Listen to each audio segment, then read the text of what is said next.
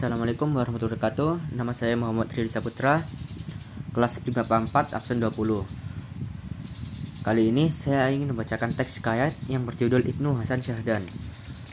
Zaman dulu kala, seorang yang kaya raya bernama Syekh Hasan Yang banyak sekali memiliki dan uang yang berlimpah Syekh Hasan juga sangat bijaksana Dan sering mengasihi para fakir miskin Dan juga menyayangi yang kekurangan harta dan terus menasihati yang berpikiran sempit karena itulah Syekh Hasan banyak sekali pengikutnya.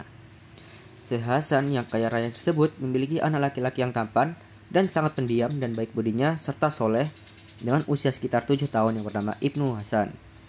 Ibnu Hasan tersebut sedang lucu-lucunya sehingga bisa dikatakan hampir semua orang senang melihatnya, apalagi orang tuanya sendiri.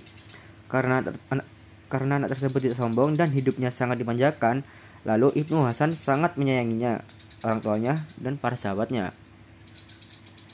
Kemudian, ayah berpikir, apakah salah aku menyayangi anakku di luar batas tanpa ada pertimbangan?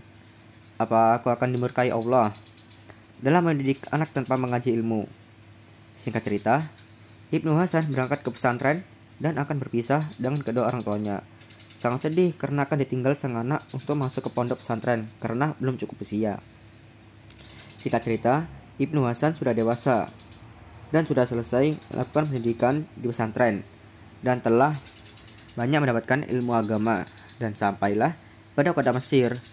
Lalu Ibnu Hasan berjalan dan bertemu dengan seorang seorang perempuan yang soleha yang baru pulang dari sekolah. Lalu Ibnu Hasan menyapa perempuan tersebut dan mereka kenalan.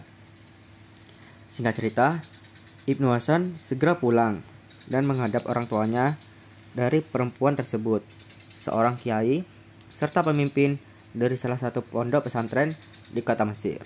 Singkat cerita, mereka pun menikah dan telah mendapatkan anak dari pernikahannya. Terima kasih, sekian dari saya. Wassalamualaikum warahmatullahi wabarakatuh.